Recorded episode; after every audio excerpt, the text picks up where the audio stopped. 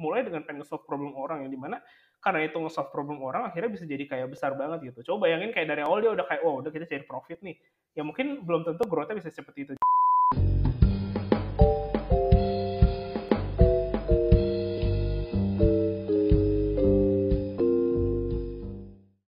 Halo semua, Assalamualaikum warahmatullahi wabarakatuh. Salam sejahtera untuk kita semua. Selamat sore dan selamat datang di acara podcast Dig Deeper yang diselenggarakan oleh Startup Weekend Universitas Indonesia. Pada kesempatan kali ini, aku Ali Fayatullah atau biasa dipanggil Ali, mahasiswa Fakultas Ekonomi dan Bisnis Universitas Indonesia, akan menemani teman-teman semua untuk berbincang-bincang nih dengan narasumber kita seputar startup dan dunia bisnis. Nah, mungkin sebelum ke inti acara, uh, aku ingin mengenalkan sedikit ya terkait serba-serbi acara ini. Uh, teman-teman, jadi pada dasarnya podcast ini merupakan bagian dari rangkaian acara SWUI yang diselenggarakan oleh CHATS UI sebagai unit kegiatan mahasiswa atau UKM yang bergerak dalam bidang pengembangan dan studi bisnis di lingkungan Universitas Indonesia. Nah, SWUI sendiri bekerja sama dengan Kumpul, Ruang dan Tempo melalui asosiasi dari Startup Weekend Indonesia, Startup Weekend dan Techstar. SWU ini juga merupakan wadah yang dipersiapkan untuk jiwa-jiwa muda yang memiliki tujuan untuk membangun bangsa dan menyelesaikan permasalahan dengan membangun sebuah startup atau bisnis. Kegiatan Startup Weekend Universitas Indonesia ini dilaksanakan dengan dua konsep acara, teman-teman, yaitu pre-event dan main event.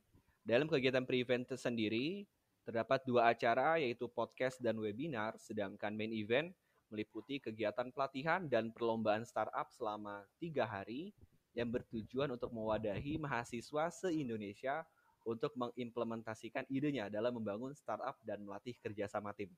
Nah, setelah tadi mungkin aku udah mengenalkan uh, sedikit banyak terkait uh, acara podcast ini, alangkah baiknya juga aku mengenalkan uh, narasumber kita nih pada podcast perdana SWI pada hari ini. Jadi narasumber kita yaitu Kamika Davis Mahardika. Beliau merupakan mahasiswa FISIP Universitas Indonesia angkatan 2017 dan uh, Kamika ini udah punya banyak sekali pengalaman begitu ya di bidang uh, startup dan bisnis. Di antaranya uh, beliau merupakan Chief Product Officer di Student Catalyst National, lalu sebagai intern marketing di PUST dan beliau juga merupakan founder uh, dari skillseeker.id dan petseeker. Dan di samping itu, Kamika juga sudah banyak menorehkan berbagai prestasi nih di uh, di antaranya yaitu second winner of UI Pre-Incubate Program 2018, top 10 finalis of UI Studentpreneur 2019, top 10 finalis of UI Innovation Battlefield 2019 dan UI Innovation World 2020 dan berbagai torehan prestasi lainnya. Nah, mungkin kalau tadi udah mengenal aku izin menyapa uh, Kamika terlebih dahulu nih. Uh, selamat sore Kamika, bagaimana kabarnya Kak? Ya, selamat sore Ali. Baik kabarnya untuk saat Oke, ini. Alhamdulillah. Semoga dalam kondisi pandemi yang rasanya mulai mencekam lagi nih, uh, semoga selalu diberikan uh, kesehatan gitu ya, kayak. Amin. Amin. Oke, uh, Kamikah, jadi pada uh, podcast perdana ini uh, kita akan berbincang-bincang terkait uh, tema kita nih yang rasanya seru banget dan teman-teman mungkin udah nantikan nih temanya itu uh, startup changing small idea into big impact. Jadi mungkin kita akan uh, berbincang-bincang uh, seputar itu. Nah, mungkin untuk mengawali uh, podcast ini, uh, aku mulai dari hal yang paling dasar. Aku bicara masalah uh, inspirasi atau ide. Karena rasanya kan ketika mulai suatu bisnis atau startup, uh, pastinya kan itu dimulai dari inspirasi ya, atau ide atau concern yang kita miliki. Nah, aku aku penasaran nih dari pengalaman Kamika sendiri uh, dalam uh, di pet seeker atau skill seeker dan lain sebagainya, uh, gimana sih kak kakak mencari uh, inspirasi atau ide tersebut? Mungkin bisa jelasin nih terkait hal ini. Oke okay, ya uh, jadi mungkin cerita sedikit. Uh, pertama kali gue start ya uh, membuat startup gitu ya itu pertama kali pas gue di semester 2 atau tepatnya di akhir semester 2 gitu. Jadi biasalah masih maba kan waktu itu masih kayak mikir-mikir nih di ya pas masuk semester 2 kayak mikir-mikir mau kegiatan apa gitu ya. Dan ya kebetulan gue sendiri kurang tertarik gitu untuk ikut kegiatan-kegiatan yang ada di kampus mungkin organisasi atau panitiaan dan ya biasalah gue kayak tipe orang yang kupu-kupu banget gitu sebenarnya. Jadi gue uh, habis kuliah biasanya langsung pulang ke uh, rumah gitu ya. Karena rumah gue juga dekat gitu di Depok dan bahkan kayak misalnya ada kuliah pagi, kuliah selanjutnya sesi 3 gitu ya, uh, siangan gitu jam 1 atau jam 2, gue tetap pulang tuh.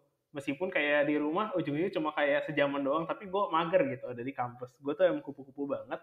Tapi dan gue ngambil uh, kegiatan apa pun tapi gue kayak mikir kayak ya kalau gini gue tetap harus ini dong kayak tetap ngelakuin sesuatu gitu jadi pada semester 2 itu sebenarnya gue fokus untuk belajar gitu ya gue waktu itu kayak baca banget banyak buku mungkin satu minggu gue bikin target waktu itu baca satu buku tentang ekonomi uh, filsafat sejarah banyak lah kayak apa pun sih sebenarnya. Termasuk juga beberapa tentang bisnis itu gue juga pelajarin gitu. Nah pada akhir semester 2 itu waktu itu juga kayak anak-anak uh, eh, SMA lagi pada SBMPTN dan uh, eh, gue ada tuh waktu itu di grup beasiswa beasiswa KSE gitu ya uh, itu kan banyak tuh anak-anak UI dan emang waktu itu itu kan beasiswa buat anak UI juga gitu. Dan itu di grup calon beasiswan gitu. Yang pada akhirnya gue nggak dapat sih beasiswanya dua tahun berturut-turut tapi dari grup itu kayak ada orang gitu ya random yang kayak ngechat kayak, oh ada yang main ngajar uh, SBMPTN nggak? Jadi mentor SBMPTN nih bisa PC gue gitu. Dan gue kayak ah gue pengen nih ngajar uh, geografi gitu waktu itu. Pokoknya gue emang karena gue SBMPTN juga lumayan bagus dan uh, skor gue juga sebelumnya tuh kayak cukup tinggi gitu lah. Jadi gue kayak pede gue pengen ngajar sekaligus ya bisa nambah uh, uang jajan juga gitu lah ya.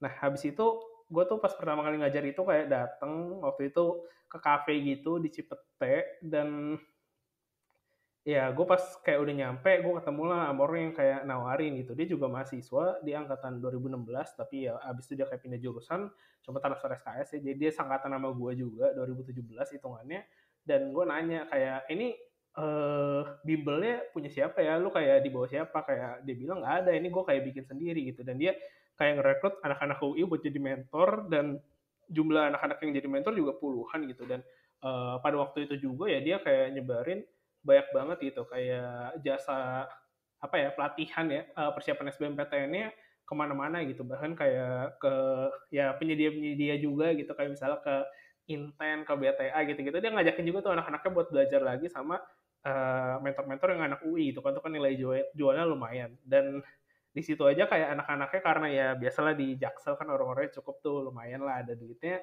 Kayak ya misalnya satu anak bayar lima puluh ribu terus bisa berlima gitu. Nanti kayak mentornya mungkin dibayar bisa 150 sampai dua ratus ribu dan sisanya diambil gitu. Dan itu dia jalanin sendiri dan kayak udah jalan banget gitu. Dan gue kayak merasa kayak wih gila nih orang keren banget. Kayak dia bisa kayak mengorganisir kayak mungkin bisa kayak belasan sampai puluhan mentoring tiap minggu dan dia handle sendiri dan kayak ya lumayan juga gitu kan dapat duitnya.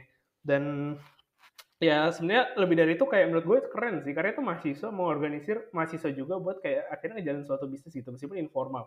Dan pada waktu itu uh, kebetulan juga gitu ya habis gue ngajar terus kan masih ada sesi-sesi yang lain tapi gue masih di sana dan gue ngobrol-ngobrol sama dia.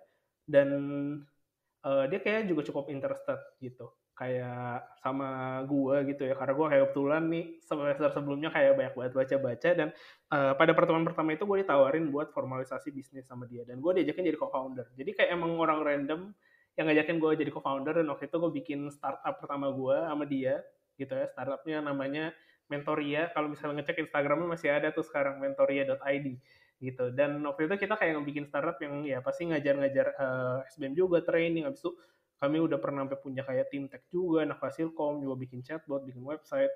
Sampai akhirnya kayak udah ending-ending nih, uh, kami kayak coba bikin apa ya workshop-workshop gitulah kayak yang akhir-akhir ini gue juga banyak kerjain gitu. Tapi akhirnya kayak mungkin nggak terlalu works dan uh, juga udah kayak nggak terlalu cocok gitu ya dengan timnya. Dan akhirnya uh, dibubarin dan gue keluar. Nah sejak saat itu tapi habis itu gue bikin bikin lagi sih. Kayak startup lagi organisasi gitu ya mungkin kayak di awal 2020 itu uh, oh, enggak belum awal 2020 2019 akhir itu gue bikin dulu startup on demand tutoring namanya Klokus cuma sebenarnya baru benar-benar berkembang itu satu tahun kemudian pas lagi pandemi. Jadi semester kemarin gitu ya semester ganjil tahun 2020 kemudian di awal 2020 gue bikin organisasi juga di FISIP sekarang udah jadi tingkat UI sih namanya Initiaty Universitas Indonesia. Dan ya jalan terus sekarang juga udah ada pengurus baru. Dan nanti juga bakal nextnya pasti akan rekrutmen ke UI juga gitu dan bersama anak-anak Initiaty juga itu akhirnya gue bikin startup-startup gue yang mungkin uh, terbaru lah. Kayak mungkin yang lumayan terkenal itu ada skill seeker gitu ya. Followersnya juga ada lumayan banyak di Instagram. Uh, dan waktu itu ya akhirnya gue kayak ngejalanin dan mungkin sampai sekarang juga terakhir itu uh, startup gue yang on demand tutoring itu yang Klokus gitu ya itu kayak ganti juga rebranding jadi startup persiapan karir yang namanya Pet Seeker dan Pet Seeker itu jalan tiga bulan dan ya jalannya emang kenceng banget sih ya. Udah kayak mungkin followersnya di Instagram udah kayak lima ribu lebih dan terutama juga waktu itu booming juga di LinkedIn uh, dan followersnya kayak sekitar udah kayak udah mau hampir 8 ribu sih sekarang. Gara-gara waktu itu kami ngadain Pet Seeker Intensive Fair dan banyak banget lah itu kayak yang like, repost dan lainnya. Gitu sih kira-kira kayak perjalanan gue jadi kira-kira mungkin uh, sampai sekarang gue udah tiga tahun sih berkecimpung di dunia per startupan mahasiswa gitu. Oke okay. uh, eh, menarik banget ya kalau aku lihat dari inspirasinya tuh dari awalnya kalau aku lihat dari manusiawi juga aku bisa nangkap kalau kakak emang punya concern di bidang pendidikan gitu ya kayak ya. bener gak? Nah Hmm, benar uh, banget. Kalau untuk poin selanjutnya aku pengen masuk nih uh, masalah bicara masalah orientasi bisnis. Nah, kadang mungkin kan ada orang yang berpikiran bahwasanya orientasi bisnis itu harus yang bisa membawa kebermanfaatan, menyelesaikan permasalahan dan lain-lain lah kayak nggak bawa pesan-pesan sosial. Tapi di sisi lain ada juga orang yang mungkin yang orientasinya ya cukup mencari penghasilan tambahan aja gitu, hanya mencari cuan aja. Hmm. hmm. Nah, kalau dari Kak Mika sendiri menanggapinya gimana suka uh, dua hal ini? Oke. Okay Ya, sebenarnya kalau dari gue sendiri ya, jadi uh, menurut gue, menurut gue sih gini, ketika kayak lo pengen bikin bisnis yang kayak ya tujuannya profit gitu, bisnis lo berkembangnya bakal lebih lama sih, karena kayak lo kan yang penting kayak dapat duitnya dulu gitu ya.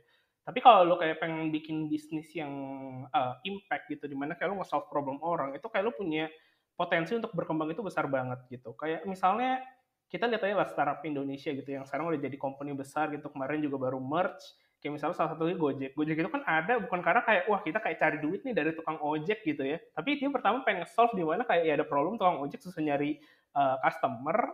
Dan kayak customer juga pengen kayak transportasi murah tapi kayak ya nyari ojek aja harus ke pangkalan gitu kan. Dan uh, pengen transportasi yang kayak enak itu kayak misalnya kayak naik ojek gitu atau kayak mungkin naik kayak ya uh, taksi mahal gitu kan. Terus kayak pengen angkutan umum juga kayak desek-desekan naik angkot naik bus gitu. Dan ya dia mulai dengan pengen solve problem orang yang di mana karena itu nge-solve problem orang akhirnya bisa jadi kayak besar banget gitu. Coba bayangin kayak dari awal dia udah kayak oh udah kita cari profit nih.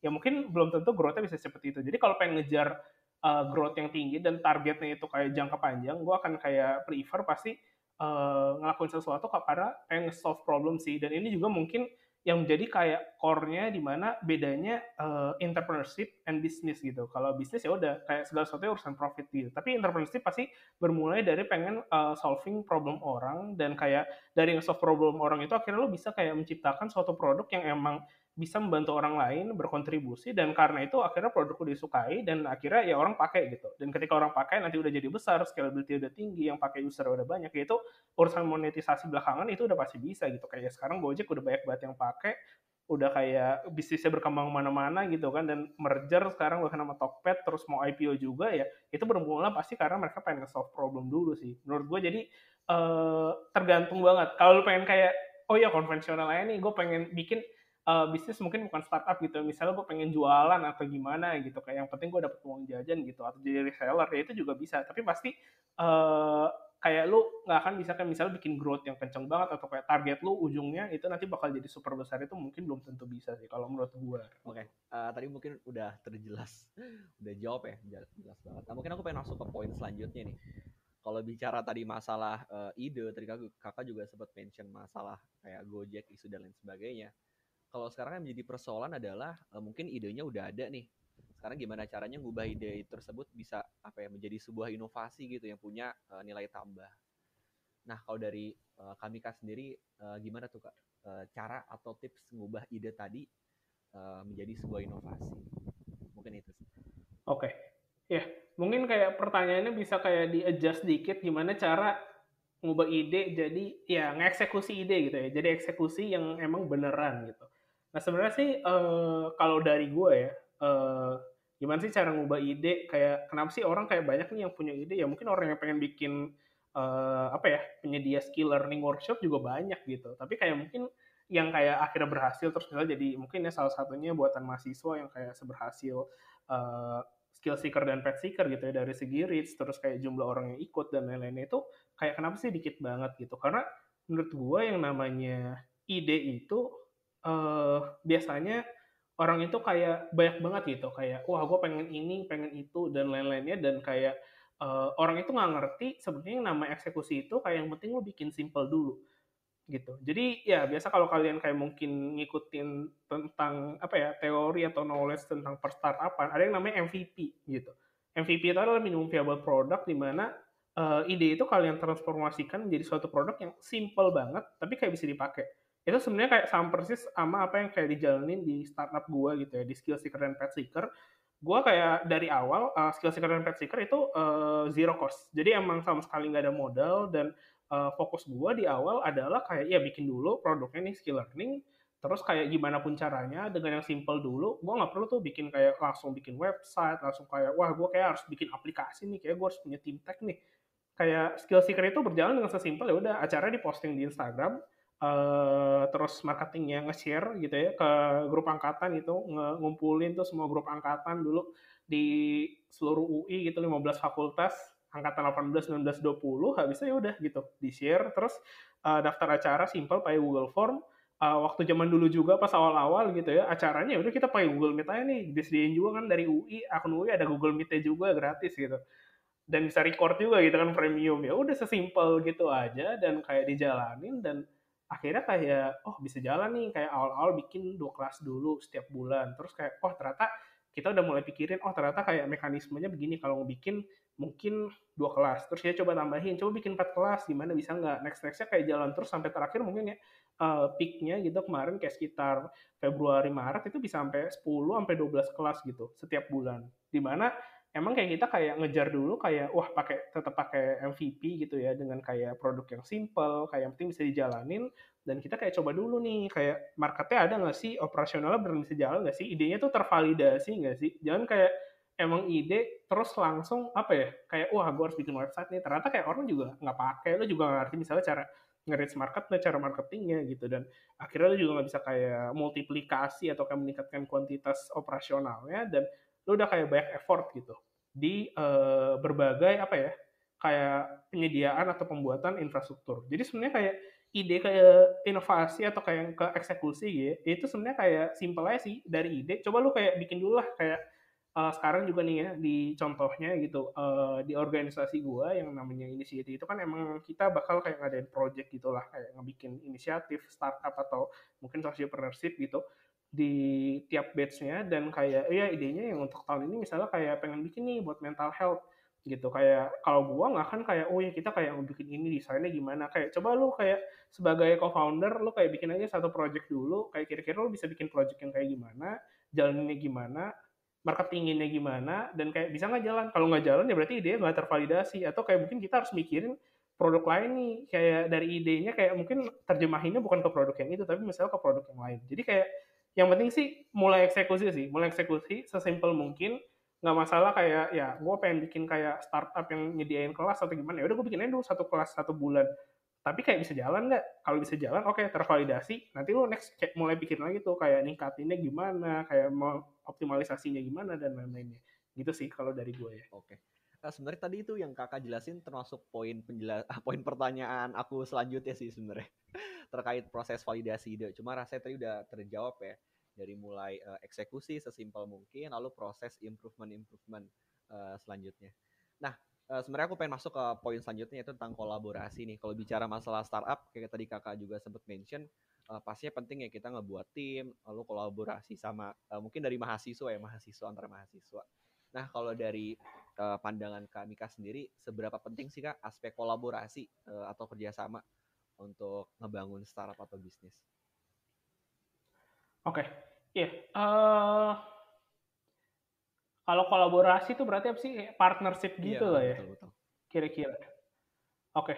Ya kalau misalnya dalam membangun bisnis sih, uh, Nah, ini menurut gue ya tergantung banget sih sama bisnis lo gitu. Tapi emang kayak rata-rata banyak banyakan bisnis gitu kolaborasi itu pasti bakal bagus banget gitu ya, terutama kalau misalnya emang bisa partnership kayak saling kenalin produk dan lain-lainnya.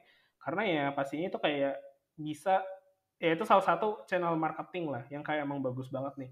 Tapi kalau dari gue sendiri ya kayak kolaborasi itu sendiri juga harus punya mungkin tujuan yang jelas gitu. Terus kayak dari produk lu sendiri juga emang udah kayak selayak itu belum? Misalnya kayak untuk kolaborasi sama produk yang lain atau kayak misalnya marketing lu kolaborasi sama marketing yang lain gitu dan uh, dilihat itu tujuannya apa sih sebenarnya kolaborasi dan kalau gue sih biasanya kalau pengen ngelakuin kolaborasi gitu misalnya kayak bikin acara bareng dulu kayak ya organisasi gue juga pernah misal bikin acara bareng sama N Corona gitu ya uh, atau kayak mungkin dari skill seeker sama misalnya anak-anak yang kayak misal dari organisasi lain atau dari kayak acara lain atau ya dan lain-lainnya gitu lah kayak itu kayak dilihat gitu kayak tujuannya apa sih? Kayak bisa saling menguntungkan atau enggak?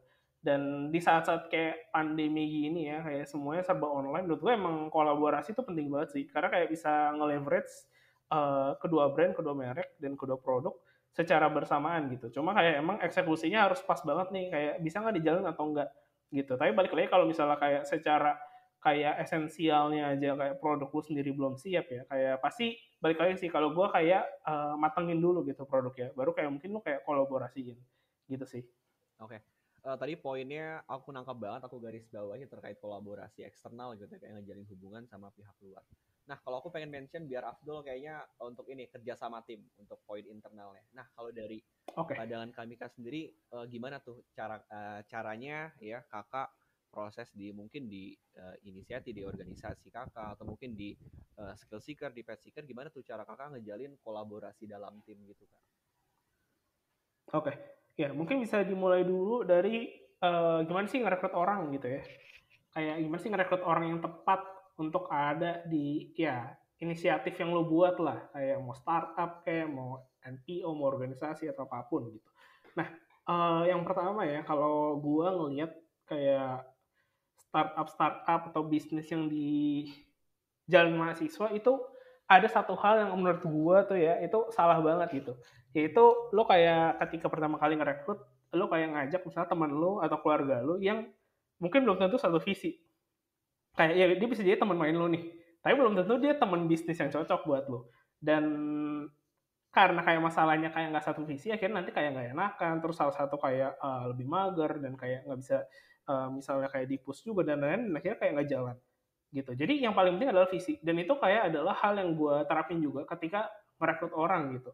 Dan mungkin gue balik lagi cerita ke ya founder gue yang dulu banget yang pas gue bikin startup pertama. Bahkan waktu itu dia pernah gitu ya buat ya dia juga bikin beberapa startup gitu ya. Dan uh, ketika pertama kali dia merekrut tim tech gitu ya ngerekrut kayak orang yang jadi chief technology officer gitu lah kira-kira dia kayak literally bener-bener duduk di kantin Fasilkom, Fasilkom UI dari siang sampai kayak sore udah malam dan dia ngeliatin gitu siapa sih yang masih coding, siapa sih yang masih kayak ya programming gitulah masih duduk gitu. Dan kayak pas malam dia ngeliat ada satu orang yang kayak kayak dari siang sampai sore malam kayak seneng banget gitu kayak nggak kelar-kelar. Dan dia pas malamnya kayak datengin orang gitu terus dia kayak ngomong langsung kayak gue liatnya tuh suka banget nih lu passionate banget gitu di uh, coding dan programming. Nah, gue punya visi pengen bikin satu dua tiga, terus gue pengen gini gini gini gini. Kayak lu pengen nggak jadi bagian dari tim gue? Dan akhirnya ya udah, dia dapetin orang itu untuk jadi bagian dari tim dia karena kayak orang itu passionate di bidang coding dan ketika diceritain gue punya visi apa dia punya visi apa gitu ya kayak orang itu kayak wah menarik nih gue juga pengen kayak gitu gitu pengen ngerjain juga dan ya orang itu juga ternyata kayak salah satu anak fasilkom yang emang OP banget lah pinter banget gitu di bidang programming dia anak ilkom dan emang kayak pinter banget gitu dan uh, hal yang sama juga berlaku gitu. Ketika kayak ngelakuin rekrutmen gue biasanya sih selalu ngelakuin yang namanya open recruitment dan ya dari rekrutmen gue pasti kayak bisa ngerekrut dari kayak berbagai fakultas dari berbagai latar belakang. Dan gue kayak nggak peduli lah lu kayak mau angkatan berapa lu mau kayak uh, jurusan apa gitu. Kalau misalnya emang dari lu sendiri kayak emang punya visi yang sama gitu terus lu sendiri kayak bisa membuktikan kalau emang orang berkualitas ya itu nggak masalah. Nah ketika kayak udah masuk kerja gitu ya bareng gimana sih cara kayak manajemen tim atau gimana sih cara ngelit tim gitu? Yang pertama pasti sebagai uh, leader ya ketika kalian ngebikin usaha sendiri bisnis sendiri atau apa pun gitu ya itu yang pasti kalian harus apa ya lebih percaya paling percaya gitu kepada visi atau apa pun yang lagi kalian bangun. Karena nanti kayak orang-orang di bawah kalian tuh bakal kayak kayak kita pengen ngapain sih? Kita pengen ke arah mana? Dan kalau sendiri kayak iya gue juga bingung sih nanti gimana atau gimana atau kayak mau dibawa ke mana gitu. Kayak kalau lu sendiri bingung udah pasti tuh yang dibawa lu bakal lebih bingung lagi gitu. Yang kedua adalah kayak ya lu pasti harus uh, jadi orang yang paling dedikasi lu paling banyak kayak spend waktu gitu. Lu kayak care kepada orang-orang yang kerja sama lu gitu. Dan lu pasti harus bisa kayak motivasi mereka gitu. Dan ketika kayak manajemen ya pastinya manajemen itu adalah kayak salah satu bentuk apa ya komunikasi juga sih. Kayak gimana lu delegasi tugas gimana lu bisa ngatur ini ngerjain apa ini ngerjain apa deadline-nya gimana dan itu berarti harus membuat lu kayak belajar memahami dan mengerti orang lain gitu. Jadi kayak itu salah satu adalah uh, salah satu ini hmm, formula yang paling penting ketika lo uh, manage tim gitu ya kayak teamwork kayak lo ngerti orang lain. Biasanya gue kayak suka banget kayak nanya-nanya kayak lo kesibukannya apa terus kayak ya mungkin kayak beberapa minggu sekali gue pasti chat ngajak ngobrol kadang-kadang juga kayak telepon gitu ya orang-orang kerja sama gue dan kayak pengen tahu dia kayak kerjanya ngapain aja sih. Terus setiap mungkin setiap rapat gitu ya kita uh, rapatnya juga kayak simple, sederhana. Yang penting kayak report kayak lu gimana progresnya, udah ngapain aja. Terus kayak problemnya kemarin dialamin apa sih. Terus mungkin planningnya pengen ngapain nih ke depannya gitu. Jadi emang eh, hal-hal yang emang simple gitu ya. Tapi kayak lu bisa kayak apa ya? Mungkin kayak uh, maintain kayak performa orang terus semangat orang dengan kayak sentuhan di mana lu punya kayak personal touch juga gitu sama dia. Dan itu mungkin salah satu kayak kunci gue sih dalam uh, ngelakuin manajemen tim gitu. Karena ya jujur aja di startup startup gue itu orang-orang yang masuk di dalamnya tuh bukan yang kayak emang wah dia kayak keren banget nih high achiever banget atau dia emang uh, pengalaman udah dua tiga. Bahkan kalau kalian mungkin belum tahu gitu ya, di Pet Seeker sendiri itu ada isinya ada 15 orang yang 15 orang itu adalah maba gitu. Dan ya pas pertama kali dari Kelokos transformasi jadi pet seeker kayak maba-maba itu ya boro-boro mereka ngerti pakai LinkedIn gitu. Boro-boro boro-boro approach speaker pakai LinkedIn. Mereka baru baru aja bikin LinkedIn gitu. Dan ya tapi dengan kayak gimana kayak bisa ngajarin mereka satu-satu terus kayak manage dengan baik kayak uh, nanyain terus dan kayak apa ya selalu telaten gitu sih kayak komunikasi sama tim uh, ya akhirnya bisa gitu. Dan bahkan pet seeker aja sampai sekarang mungkin udah nge mungkin berapa ya sekitar 70 sampai 80 profesional gitu ya uh, kalau misalnya kayak dicek karena udah ada mentoring programnya juga tiap acara bisa ngundang 3 sampai 4 orang gitu ya dari dia profesional dan itu dikerjain sama 15 maba nih angkatan 2020 gitu dan ya semuanya menurut gue bisa-bisa sih dengan kayak manajemen tim yang baik kayak uh, bisa kayak apa ya nge nge self develop diri lu sendiri sekaligus juga bisa nge-develop tim lu gitu tim development dan ngebikin mereka juga jadi jago dan dengan begitu secara otomatis kayak tim lu juga bakal termanage dengan baik sih menurut gue. Jadi kalau aku bisa simpulin tadi ah, berarti proses cara kita nge-manage tim yang baik, kolaborasi ya salah satunya dengan uh, perlu satu visi juga ya kayak ya. lalu juga proses leadingnya juga uh, perlu percaya dengan visi visi sendiri visi yang kita bawa dedikatif dan juga uh, ngejalin uh, komunikasi yang baik.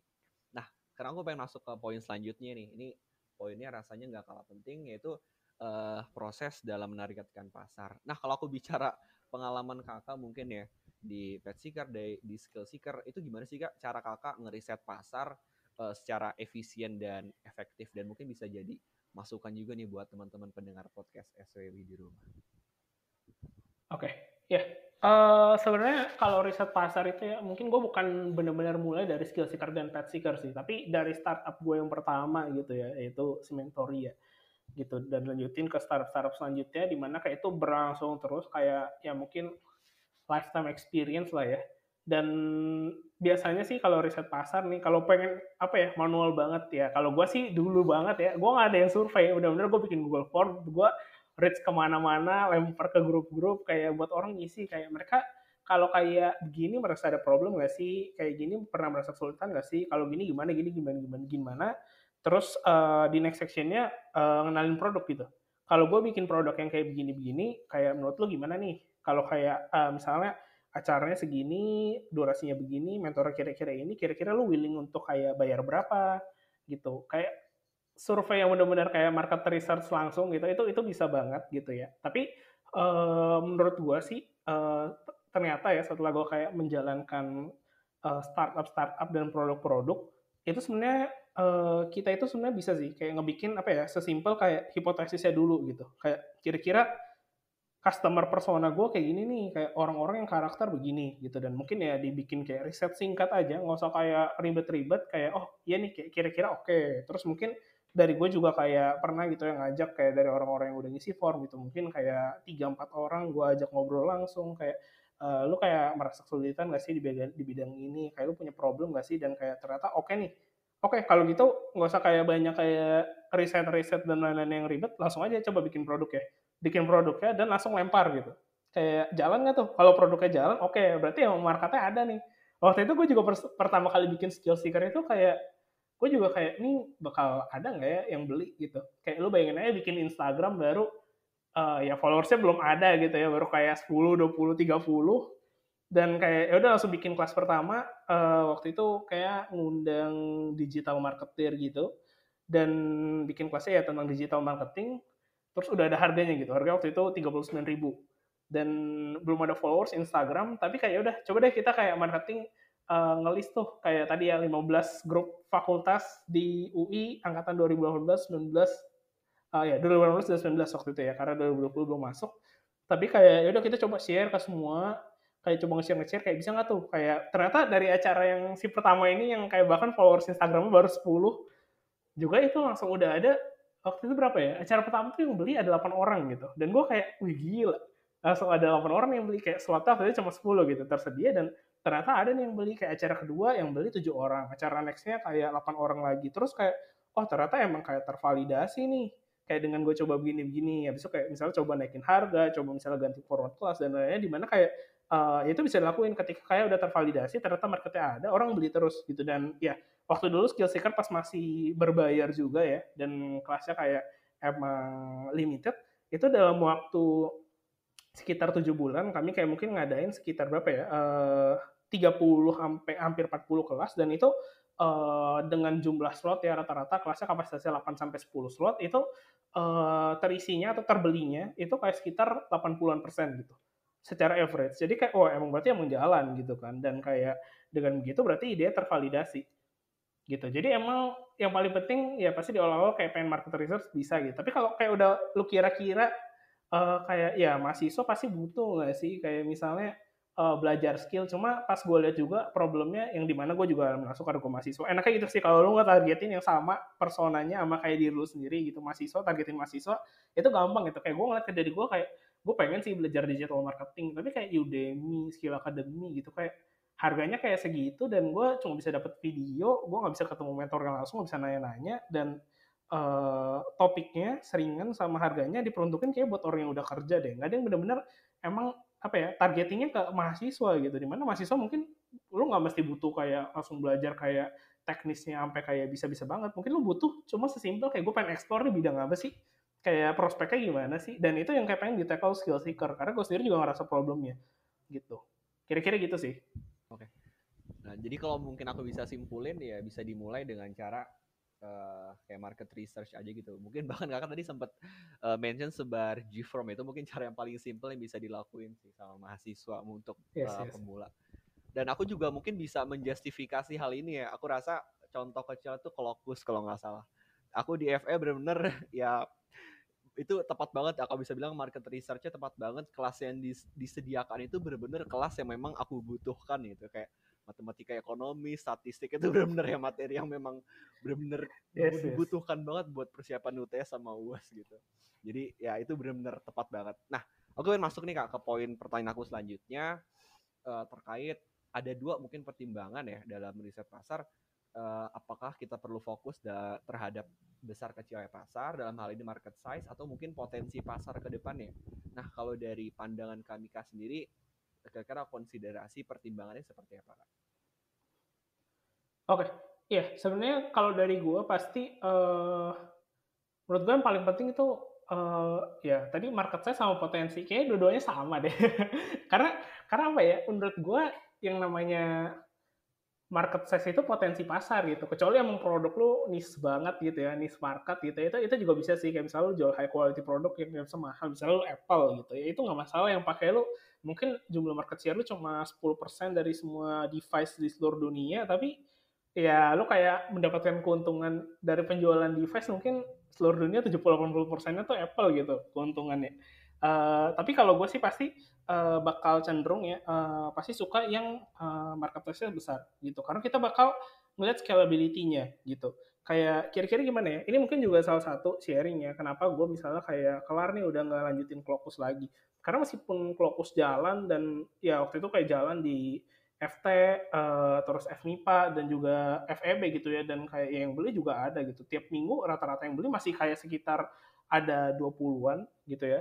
Uh, dan itu kayak jalan terus tapi meskipun di grading ya tapi kayak tetap jalan gitu. Dan kayak profitnya ada lah. Cuma gue kayak ngobrol-ngobrol sama investor waktu itu ada ya venture capital juga yang ngom yang ngobrol sama gue dan gue juga kayak pas kayak mikir kayak ya ini gue kayak satu misalnya satu kelas gitu ya kayak ngambil profit mungkin berapa puluh ribu yang nggak lah misalnya uh, on demand tutoring itu rata-rata ya 20 sampai 30 ribu gitu per kelas. Kayak oke okay lah bilang aja 20 ribu gitu. Atau oke okay, misal kita besar nih kayak sistemnya bagus lah misalnya kayak ngambil profit 30 ribu.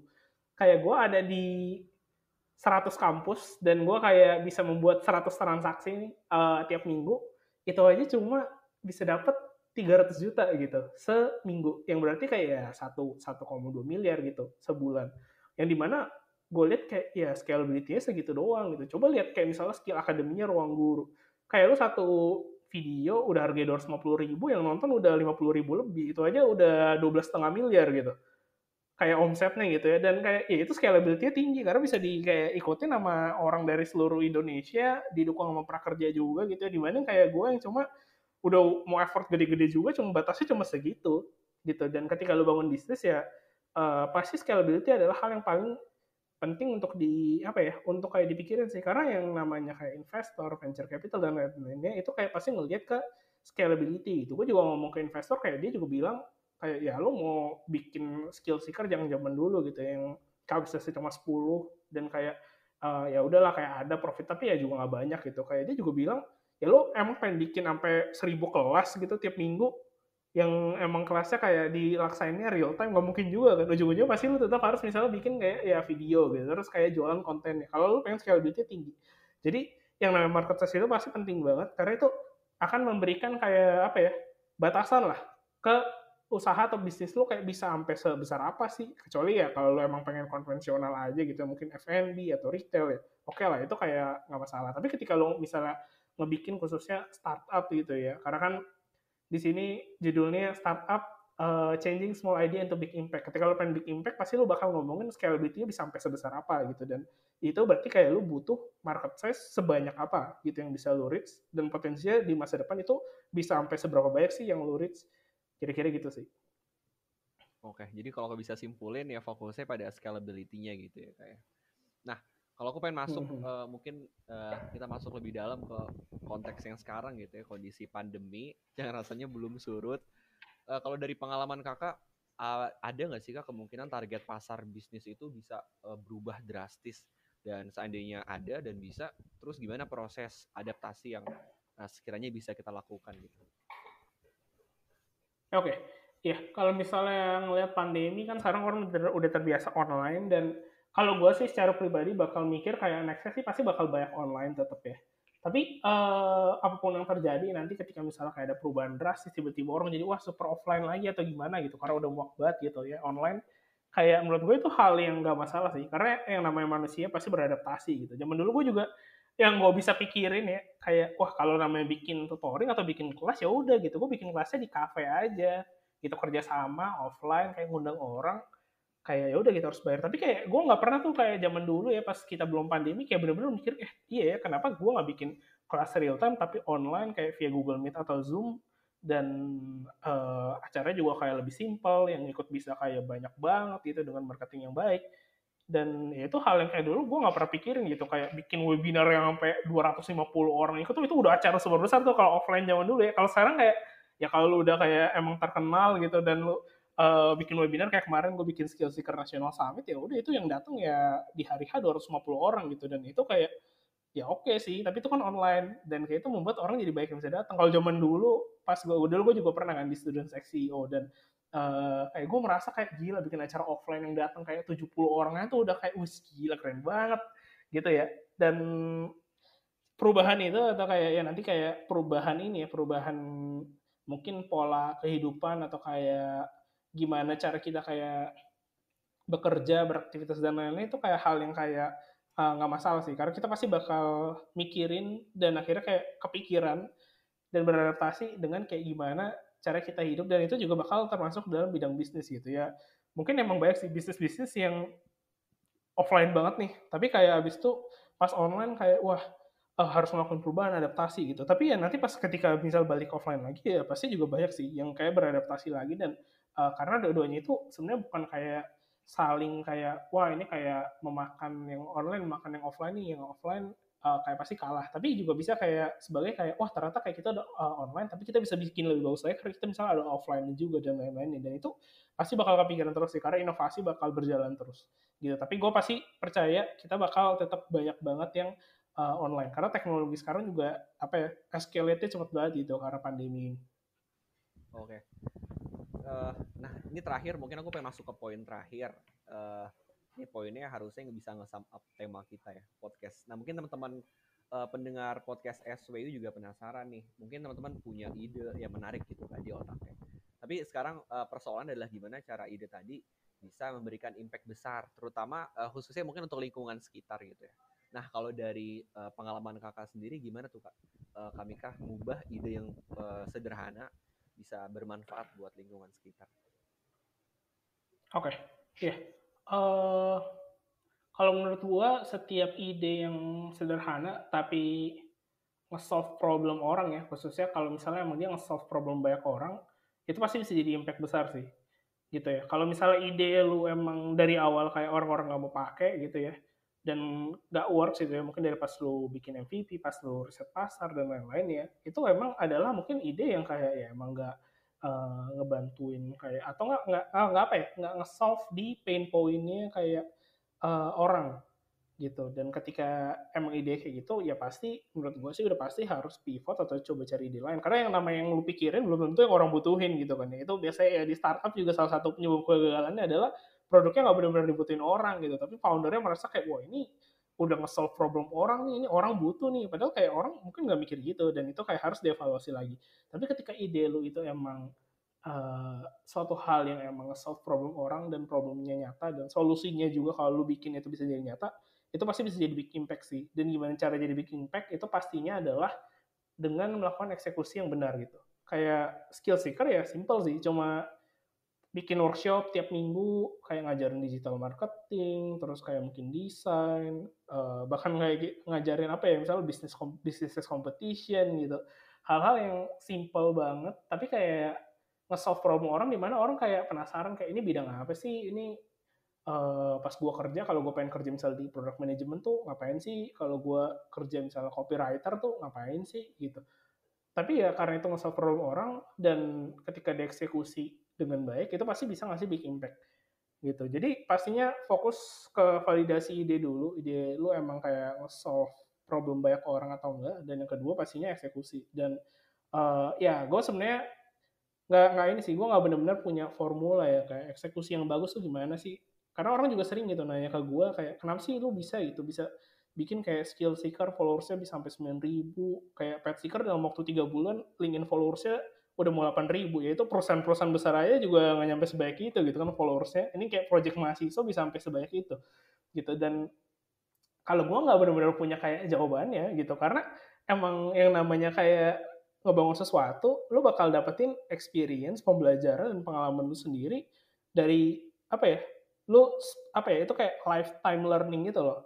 Kayak ya mungkin gue sekarang bisa bikin sesuatu yang kayak grow-nya secepat pet seeker gitu ya di tahun 2021 ya karena gue sebelumnya udah kayak banyak gagal gue udah coba dari startup pertama gue yang kayak udah gimana gimana juga tetap aja nggak jadi apa-apa tuh.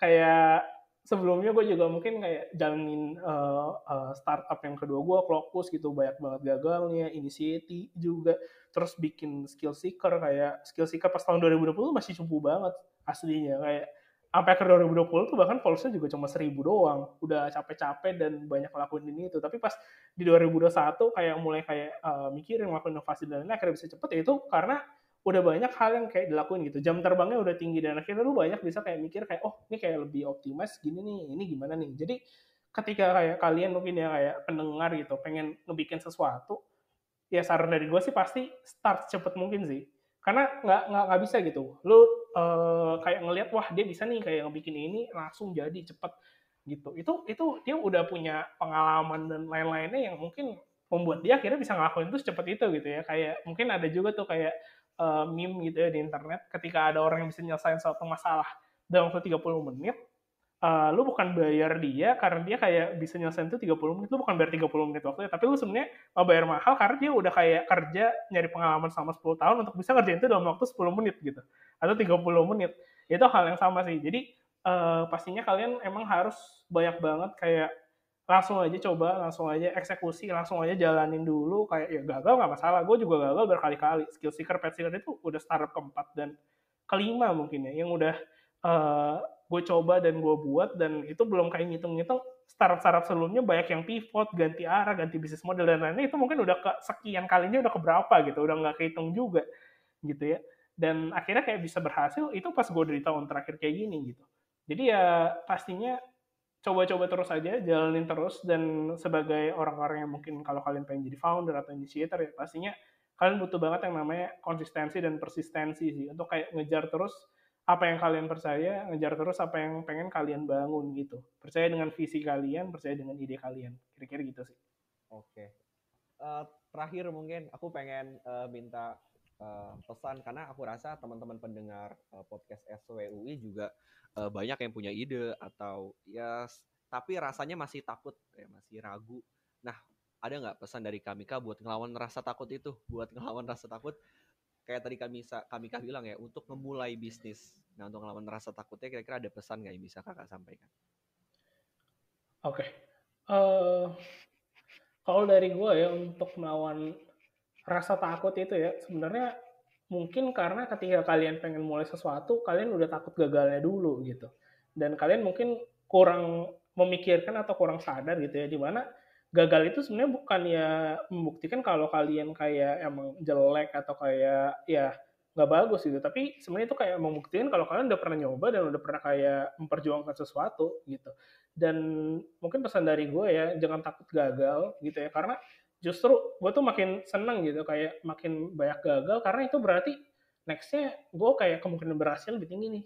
Dan bahkan ya kalau di startup itu uh, udah jadi hal umum uh, kalau misalnya lu baca-baca buku juga gitu orang itu bahkan bilang kayak ya lu bikin startup sampai mungkin bisa jadi startup yang levelnya unicorn gitu ya. Itu kayak uh, rata-rata nggak mungkin gitu. Hampir nggak mungkin lu emang pertama kali bikin startup uh, langsung jadi super besar. Kecuali lu kayak super talented dan kayak gifted gitu kayak misalnya Mark Zuckerberg gitu ya. Gue biasa selalu pakai contoh itu sih kayak ya lu nggak akan bisa begini kecuali lu Mark Zuckerberg. Dan itu kayak satu dari sejuta orang gitu yang pengen bikin startup. Tapi uh, orang-orang itu bilang ya kalau pengen bikin startup yang sampai jadi unicorn itu mungkin udah startup ke 6 atau ke 7 lo gitu karena ya emang pasti banyak banget kegagalan yang udah harus lu laluin dulu kenapa karena ketika lu gagal lo itu bukan kayak bener-bener ya udah gitu gagal. Tapi sebenarnya lo nge-discover suatu formula baru. Dulu gue kayak nge-discover mungkin di pas pertama ya di uh, startup gue gitu. Oh ternyata kalau gue ngebikin infrastruktur dulu nih, gue udah punya tim tech ngebikin uh, chatbot lain gitu. Terus ngebikin website, ternyata nggak works nih. Ternyata gue butuh misalnya bikin operasional dulu. Terus gue coba kayak bikin operasional dulu. Oh ternyata gue bukan cuma dan kayak akhirnya misalnya gagal gitu. Waktu itu pas gue pertama kali bikin Klokus, kayak ya udah ada nih mentornya, udah begini-gini. Ternyata kayak gagal karena marketingnya ampas gitu, public relationnya jelek. Lu sebelum kayak launch produk nggak ada kayak beberapa minggu marketing. Dan kayak gue waktu itu menganggap kayak ketika gue launch orang kayak wah emang bagus nih. Kayak orang ngeliat langsung pengen beli gitu produknya enggak juga. Dan gue kayak pelajarin itu kayak pasti skill seeker kayak oh iya langsung kita coba marketing dulu gitu. Coba sebelum kita bener-bener ngepost acara kita udah nge dulu nih. Ya itu tadi 15 fakultas itu ya di seluruh UI dikali kayak angkatan 18 dan 19 berarti total 30 grup gitu ya di reach coba dulu tuh kayak gitu kayak oh ternyata bisa nih dengan marketing ternyata baru bisa gitu. Nah itu kan gue setiap kayak gagal sebenarnya gue menemukan kayak formula baru ternyata yang kayak begini eh, nggak uh, terlalu sih atau nggak terlalu bagus. Ternyata kalau misalnya begitu lebih bagus. Nextnya pas gue ngebikin yang selanjutnya lagi, oh ternyata udah bagus nih kayak gini kayak nextnya kira pas gue misal bikin pet seeker yang growth-nya itu dari semua yang pernah gue buat itu paling cepet ya karena gue udah kayak ngejalanin banyak banget gitu yang lain-lain dari kayak skill seeker, initiative, Clokus, terus sebelumnya juga mentoria dan mungkin project-project gue lainnya yang kayak membuat gue banyak banget belajar formula-formula yang paling efektif, yang mana yang paling efisien dan impact-nya paling tinggi gitu. Kira-kira gitu sih. Jadi yang penting kalian kayak coba dulu discover formula baru terus, gagal terus dan ya apa ya tetap semangat gitu, tetap uh, percaya dengan visi yang mungkin kalian pengen kejar gitu, jangan takut gagal. Oke, Kalau kalau aku bisa simpulin ya uh, pesan dari uh, Kamika, pertama jangan takut gagal, lalu kedua mulai aja dulu dan uh, ketiga cari sesuatu yang pastinya bisa menyelesaikan uh, permasalahan ya atau problem banyak orang. Lalu dan terakhir ya percaya pada proses dan temukan formula sendiri. Oke, rasanya pesan kami kah tadi menjadi uh, penanda ya berakhirnya podcast perdana SWW kita pada sore hari ini uh, aku sendiri kan mewakili teman-teman panitia mengucapkan uh, terima kasih banyak kepada Kamika yang telah menyempatkan waktunya nih di tengah kesibukannya sebagai narasumber untuk berbagi uh, cerita, tips, dan pengalaman seputar dunia startup atau bisnis. Uh, aku pribadi mendoakan semoga Kamika selalu diberikan kesehatan dan uh, kesuksesan dalam bisnis dan karir ke depannya. Dan okay. untuk teman-teman pendengar uh, podcast SWI semua, aku juga ingin mengingatkan untuk jangan sampai tertinggal uh, informasi seputar Startup Weekend Universitas Indonesia. Oleh karena itu terus pantau informasi kita di lini masa SWUI, di LinkedIn Startup Weekend UI atau bisa juga di Instagram startupweekend.ui. Nah, mungkin cukup sekian untuk podcast perdana hari ini. Aku Ali Fayatullah, mohon maaf apabila ada kesalahan dan sampai jumpa di podcast, webinar dan rangkaian acara SWUI lainnya. Salam sehat, salam semangat. Terima kasih teman-teman. Wassalamualaikum warahmatullahi wabarakatuh.